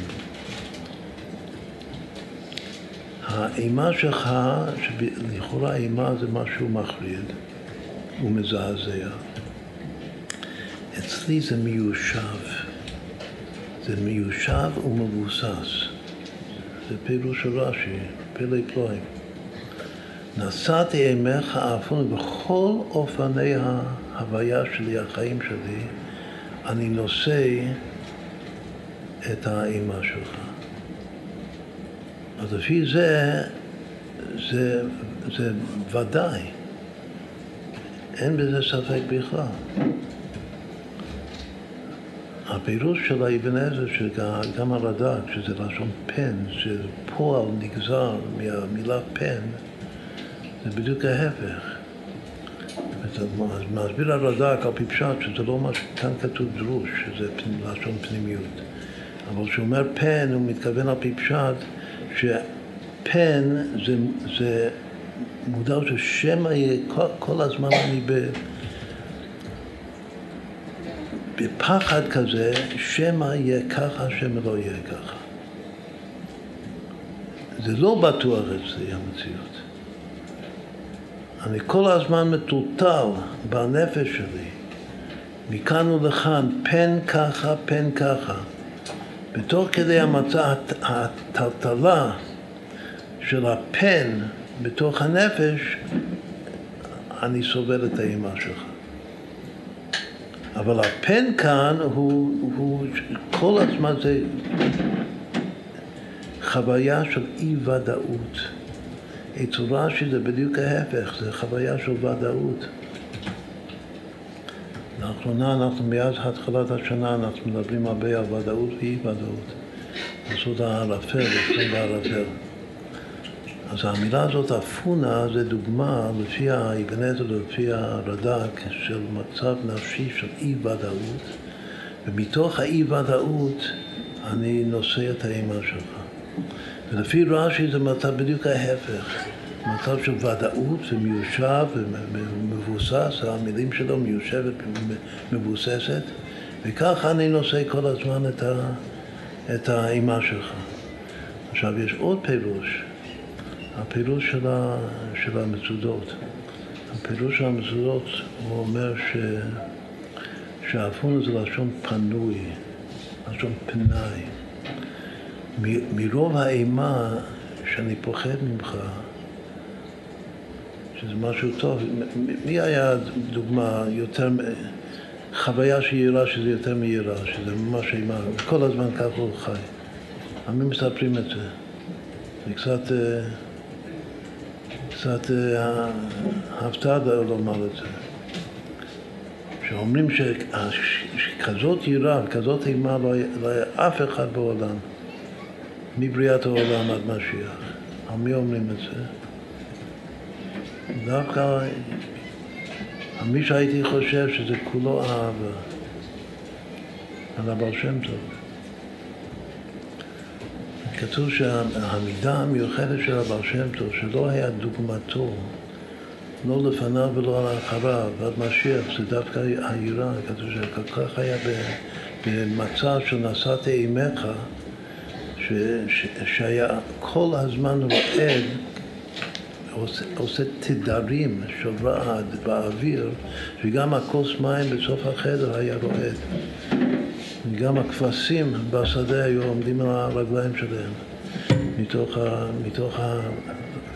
אף אחד לא הרגיש עליו שום דבר. חוץ משהמגיד פעם נגע בו, והוא כמעט יצא מדעתו. צריך לעשות רפואה בשביל להחזיר אותו לשפיות. אז עוד פעם, דווקא על הבעל שם טוב אומרים את הדבר הזה. גם על עוד ודודי יסוד משבחים אותם דווקא בנשאת אימך שלהם, גם הרמב"ם, שלא הייתי חושב עליו, שהוא דווקא במידה של האימה והפחד, זה מצטיין בזה. דווקא הוא, אבל שוב, הכי מצטיין זה מי שהכי אוהב. עכשיו יש גם כן פה תופעה פלילית שלא ראיתי אף אחד שמסביר את זה, ואני בעצמי לא מבין את זה. כל פעם שכתוב אימך בתנ"ך, כולל השלוש פעמים שכתוב בלי יוד, בסגר איוב, התרגום זה, זה לשון דחילו, שזה התרגום הכללי של פחד, של יראה ופחד דחילו. אבל כאן בתרגום, בתרגום אה, לתהילים, תרגום מנתן לתהילים, זה לא מובן בכלל. הוא מתרגם אימך רחימו, פילי פלאים. פתאום האימה, שהוא אף אחד, לא ראיתי אף אחד שמתייחס לזה בכלל. זה כל כך מוזר, התופעה הזאת, שהיה אפשר לחשוב שאולי יש לו איזה טעות, אבל בכל התנ"כים ככה, ככה כתוב, כתוב כאן והחימו. כשנסעתי אימך, אני נסעתי לאימה, פתאום האימה, שזה יותר מהירה, זה הופך להיות אהבה. למי זה מתאים? זה מתאים לפירוש רש"י. ברגע שהאימה נעשית מיושבת, נעשית דבר דבור האופניו, אז פתאום זה הופך להיות ההפך גמור. מה, מה זה, איפה המקור של זה? מה יכול להיות המקור לזה בתורה? וגם מה שקראנו אתמול בתורה זה עקידת יצחק.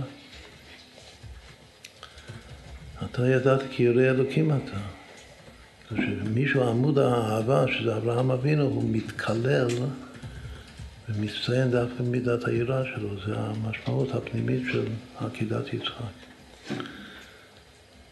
אז שוב, יש פירוש שלישי של המצודות שאפונה, זה שאני פנוי מכל עסקיי, מרוב הפחד שלך, אני, אני לא יכול לעשות כלום. כמו שאחד אמר, אני לא יכול לעשות כלום בחיים, אני רק פוחד. זה נקרא אפונה מלשון פנוי. אני מתפנה מכל ענייניי ומכל עסקיי, מפני הנשאתי עמך. זה פירוש שלישי. עכשיו, יש פירוש שאמרנו שזה משהו מאוחר יותר, אבל זה גם כן ראוי לציין אותו. שהוא אומר שאפונה זה לשון פונה. לא פנוי, אלא פונה. מה הכוונה פונה? לאן שאני פונה, אני חווה את האימה שלך. בכל כיוון, בכל צד. זה קצת אומר, רש"י אומר, לא, זה לא לשון פונה, זה לשון אופניו. זה מיושב אצלי, מבוסס אצלי. כאן הוא אומר שזה לשון לבנות. מה זה מזכיר? שזה גם מזכיר uh, וורט של מגדולי החסידות, שזה גם מתאר חוויה של חוויית השם בכל כיוון. שיר ידוע של מי? של לוי יסון ברדיצ'וב. זה נקרא דודלה שלו, שזה דודלה לכאורה זה אתה, זה אהבה. למעלה דו, למעלה זה אתה, למטה זה ימין, שמאל, בכל כיוון אני חווה אותך ודווקא באהבה. זה מתאים לתרגום שזה רכיבו. כאן הוא אומר שאיפה שאני פונה, אני חווה את האימה שלך. אם יש פה ארבעה פירושים של אבונה, אז צריך לסדר אותם כנגד י"ק ו"ק. עכשיו, בקיצור נמרץ, יצאנו מזה שה, שהאם, התנאי זה אימא. זה היה כל האבות כאן. היום אם. דווקא אם עילה, עילה של על התבונה, כתוב דווקא יש ביטחון, אבל אם העילה שהיא אחת עם אבא עילה, יש אמונה, אמונה פשוטה. היום אם. אבל עצמות אבא זה המבוסס והמיושר של רש"י. כתוב הוודאי שזה גם למדנו את זה. יש ודאות ואי ודאות. הוודאות זה באהבה, והאי ודאות זה דווקא באימא.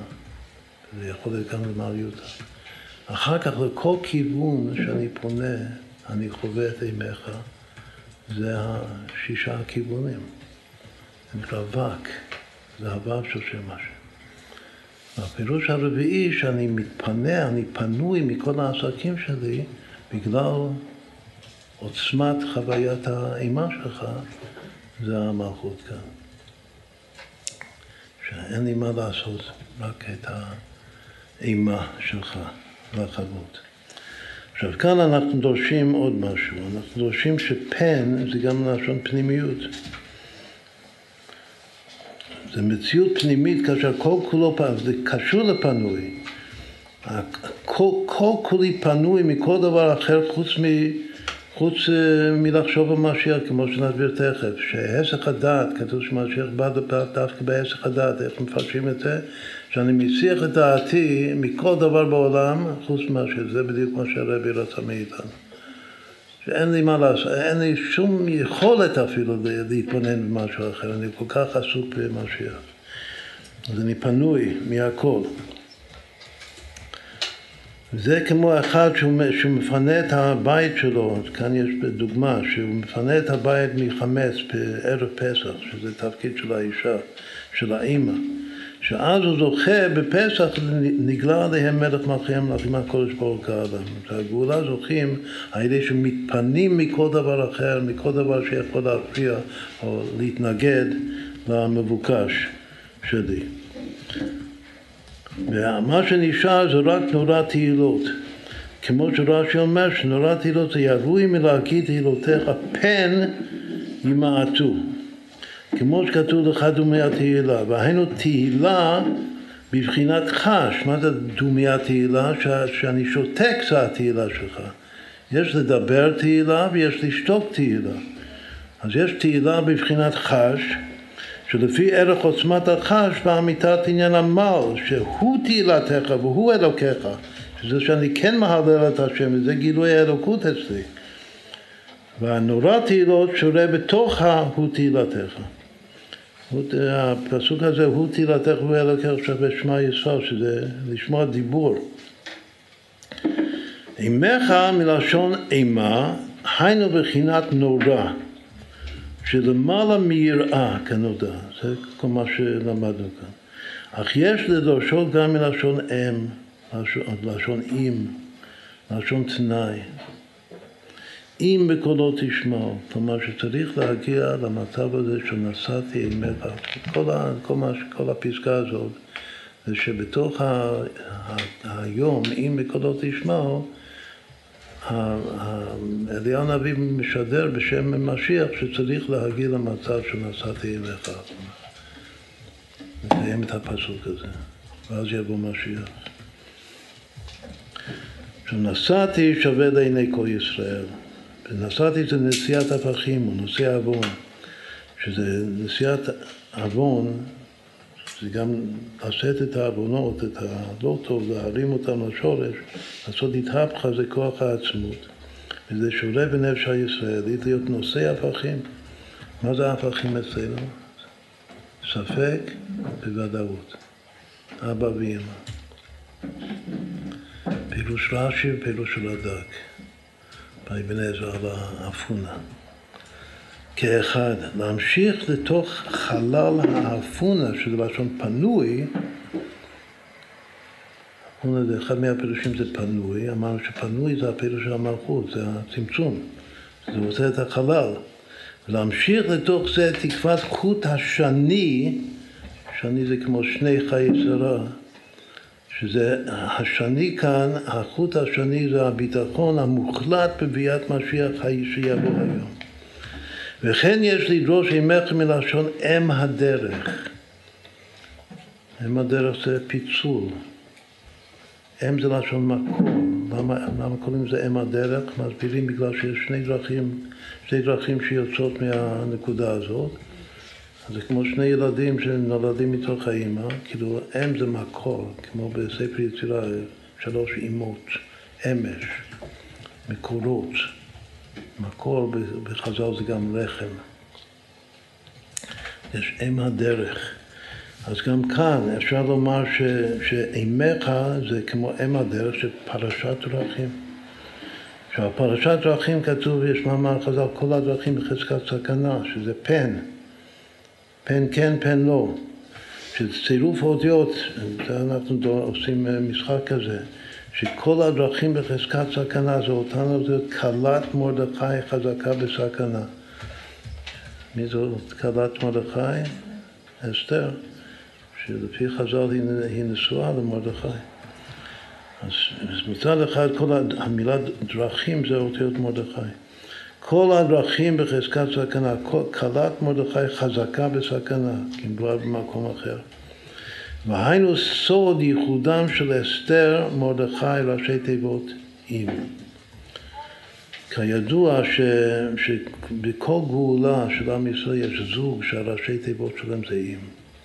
רואים גם בפירוש כאן שאם זה מפתח של גאולה. בגאולת מצרים מי האם? אהרון משה, בגאולת פורים מהאים, אסתר מלאכה, בגאולת משיח מהאים, אליון משיח. אז זה גם כן, זה נקרא גימל אימות, בספר יצירה יש סוד של גימל אימות, יש הרבה עניינים, יש מצד אחד יש ד' אימות, כמו שאמרנו קודם, שארבע מי יודע, מצד שני יש גימל אימות, שזה הגימל אימות של ספר יצירה. בעצם יש עוד כמה אימים חשובים מאוד בתורה, שזה לא זוג דווקא של גואלים, אבל צריך לראות שיש בזה גם כן את הגאולה. יש אפרים ומנשה. זוג מאוד חשוב, שני הבנים של יוסף, כנראה שזה, שניהם זה קשור למשיח בן יוסף. איזו עוד אם יש? זוג של אנשים שהראשי תיבות שלהם זה אם. מי? אפרים מנשה זה אמרנו הרגע. יש את השלושה זוגות של הגאולות הידועות, אהרון משה, אסתר מרדכי, אליהו משיח. עכשיו אמרנו שיש עוד אחד שאפרים מנשה, זה עוד אחד. שני נביאים שהולכים ביחד. אלדד ומידד. אלדד ומידד זה סוד מאוד מאוד גדול בקבלה. שני הדדים של כנסת ישראל, של, של השכינה הקדושה, שמשם כל השפע בא לעם ישראל. מה הנבואה שלהם? זה שיהושע מכניס אותנו לארץ. וגם זה משהו משיחי, הדבר הזה. עכשיו כתוב שאין, כשנסעתי, נסעתי ימיך אפון, שאין משיח בא אלא בהסך פינוי הדת, כלומר הסך הדת מכל דבר אחר, ותקיעת הדת, אתה מסיח את הדת מהכל, שזה אפונה מהכל, אבל בסוד אין לך שום דבר חוץ מימיך, הכל בסוד אל תקרא אם אלא אם. סוד אם הבנים שמחה. את מה שנשאר בסוף זה אם הבנים שמחה. שמשיח זה רוצה להיות ישמח.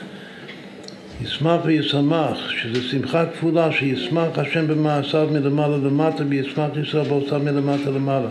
כתוב שמשיח בן, מה ההבדל בין משיח בן יוסף ומשיח בן דוד? משיח בן יוסף זה מלמעלה למטה, ומשיח בן דוד זה מלמטה למעלה. יש שני פסוקים, יש פסוק אחד שאומר, ישמח השם במעשיו, שזה מלמעלה למטה, השם שמח במעשים שלו. יש פסוק שני שאומר, ישמח ישראל בעושיו, שאנחנו שמחים בעושה שלנו, בקודש ברוך הוא. אז כתוב שישמח השם במעשיו, זה משיח בן יוסף, מלמעלה למטה. וישמח ישראל בעושיו, זה מלמטה למטה, זה משיח בן דוד. בסך הכל זה עם הבנים, מה זה בנים? זה שני בנים. מי זה שני בנים? בן יוסף בן דוד, משיח בן יוסף, משיח בן דוד. יש לה אימא שתי בנים, שזה שני משיחים. מיעוט רבים שניים, הם הבנים שמחה. אז אימא, יש לה בן אחד, קוראים לו משיח בן יוסף, שהוא השמחה שיורדת מלמעלה למטה. יש לה בן שני שקוראים לו משיח בן דוד, שהוא השמחה העולה מלמטה למעלה. שזה סוד משיח, כן, שני, שני משיח עד, וכתוב עד דוד הגדיר, יש פסוק שכתוב שיונתן ודוד נפרדו, אז שניהם בכו, אחד על הכתף של השני. וכתוב עד דוד הגדיר שהבכי של דוד עלה יותר, יונתן זה בחינת יוסף זה מלמעלה למטה, דוד זה מלמטה למעלה. ובסוף האור חוזר, חוזר לקדמותו ממש, שהאור חוזר של דוד זה מגיע יותר גבוה מהשורש של אור ישר של יוסף ויונתן. לכן עיקר המשיח זה משיח בן דוד. משה ודוד ישמח ישראל בעושיו. עכשיו, אחרון אחרון, עוד רמז בסוף, מה זה, זאת כל הביור כאן זה רמזים של אם, המילה אם, שמשיח יבוא היום אם. אז יש אם שזה נוטריקון, זה נוטריקון של ביטוי שכתוב על משיח, איי הים. יש איים בתוך הים. מה זה איי הים? איי הים זה מתחיל מאלף, זה נגמר עם מ'. זה נקרא נוטריקון אם.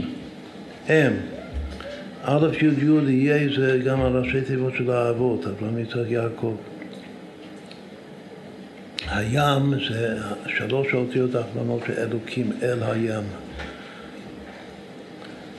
כל הנחלים הולכים אל הים, אל הים זה אלוקים. אז יש איי הים, ביטוי מאוד יפה. זה מתחיל א' ומ', כלומר שיהיה ים יש פה איזה רמז של, של, של אם ואם. איפה זה כתוב הביטוי הזה? בישעיהו המשיח כתוב, והיה ביום ההוא יוסיף, עדני יוסיף השם שנית ידו לקנות שאר עמו אשר יישאר מאשור וממצרים, מפטרוס, מכוש, מאילם ומשינר, מחמת ומאיי הים. זה הפסוק בה"א הידיעה של קיבוץ גלויות של מלך המשיח. קיבוץ גלויות של מלך המשיח זה החיה שלו לפי הרמב"ם בסוף, ה... בסוף המשנה תורה. אז הפסוק הזה אומר שמונה מקומות. בשמונה מקומות, כל מקום זה מקום מסוים, זה אשור, מצרים, פטרוס, מכירים את המקומות האלה. ובכל מקום יש גלות, גלות של עם ישראל.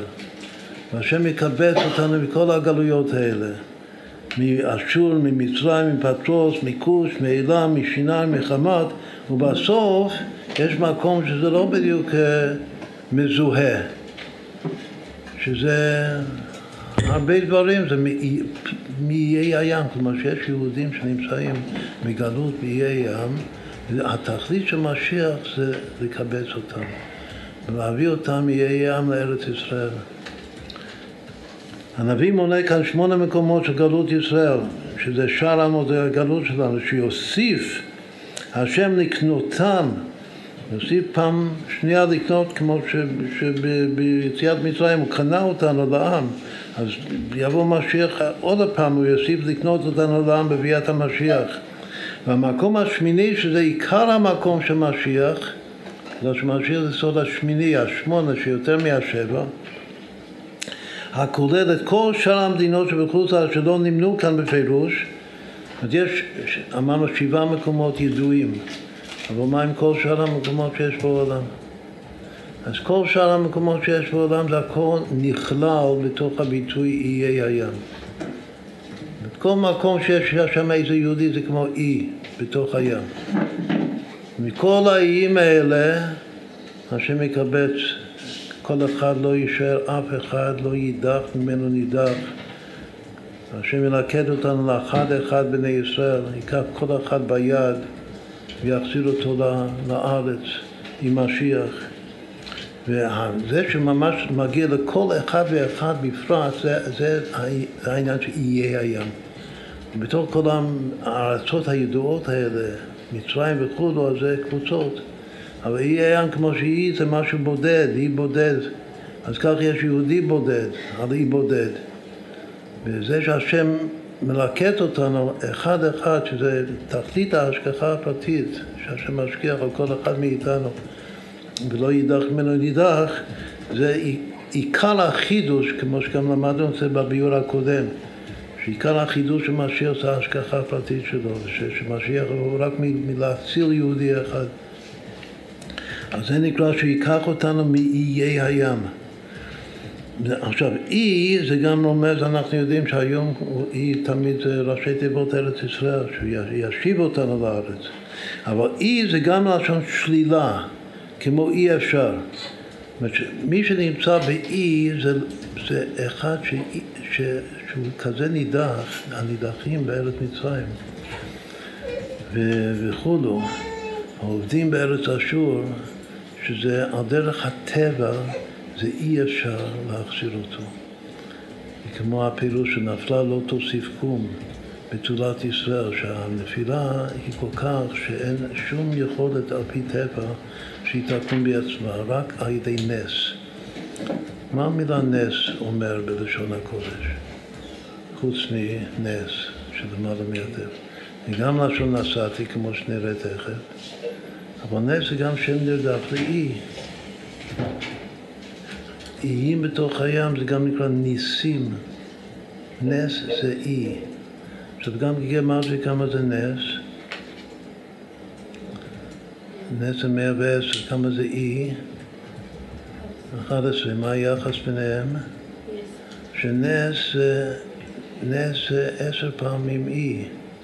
כלומר שביחד שתי המילים הקצרות האלה, שזה שמות נרדפים, נס ואי, זה שווה כמה? 121 זה כבר שווה אי בריבוע. אי ונס. ואי שהוא אי זה, כשאומרים את המילה אי זה לשון שלילה, כמו אי אפשר. אז גם מי שנמצא על היהודי הבודד הזה, האי הבודד, שהוא נידח ועובד, אז אי אפשר לקבץ אותו, אבל משיח יקבץ אותו בגלל שהוא עושה הפכים, יעשה את הבלתי אפשרי, יעשה את הנס. והיינו שבו מורגש הנס, דווקא מי שיושב על האי, יש כמה סיפורים של מי של אי, גם של הבעל שם טוב, שהספינה נשברה והגיעו לאי, ואז ניצלו בדרך נס לגמרי. והיינו שבו מורגש הנס על האי הבלתי אפשרי על דרך הטבע, שעצם המציאות שלי, עכשיו זה ההתבוננות האחרונה כאן, מה זה אי? אי זה, זה חתיכה של יבשה שעלתה יותר גבוה מהמים. אבל עצם התופעה הזאת שהיבשה עולה מעל המים זה הנס הכי גדול בטבע כתוב. בגלל שעל פי פשט היבשה זה יסוד העפר זה יותר כבד מיסוד המים. לכן הוא צריך לשקוע בתוך המים. וזה שיש בכלל יבשה על גבי המים יותר גבוה מהמים זה הנס שלא מכירים אותו אבל זה נס תמידי שהשם עושה בתוך הטבע. איך קוראים לנס הזה? זה הפסוק השישי של הלל הגדול, שזה 26 פעמים כי לעולם חסדו לרוקה הארץ על המים, כי לעולם חסדו. השם רוקע, רקיע, קודם אמר את זה לשון עיבור, אבל הוא רוקע מלשון שטח, לרוקה הארץ על המים, שזה נגד הטבע, שהעפר עולה יותר גבוה מהמים. זה המציאות של האי בים, שכאשר הארץ עולה על גבי המים, אז סדר היסודות במקום אש רוח מים עפר, שזה י"ק ו"ק, אז זה הופך להיות אש רוח עפר מים, שהעפר הוא יותר גבוה מהמים, שזה י"ק ו"ו. שהצירוף הזה, י"ק ו"ו, זה הצירוף של תפילין של רבנו תם, שזה הצירוף של משיח כתוב. כוחו ועניינו המיוחד של משיח.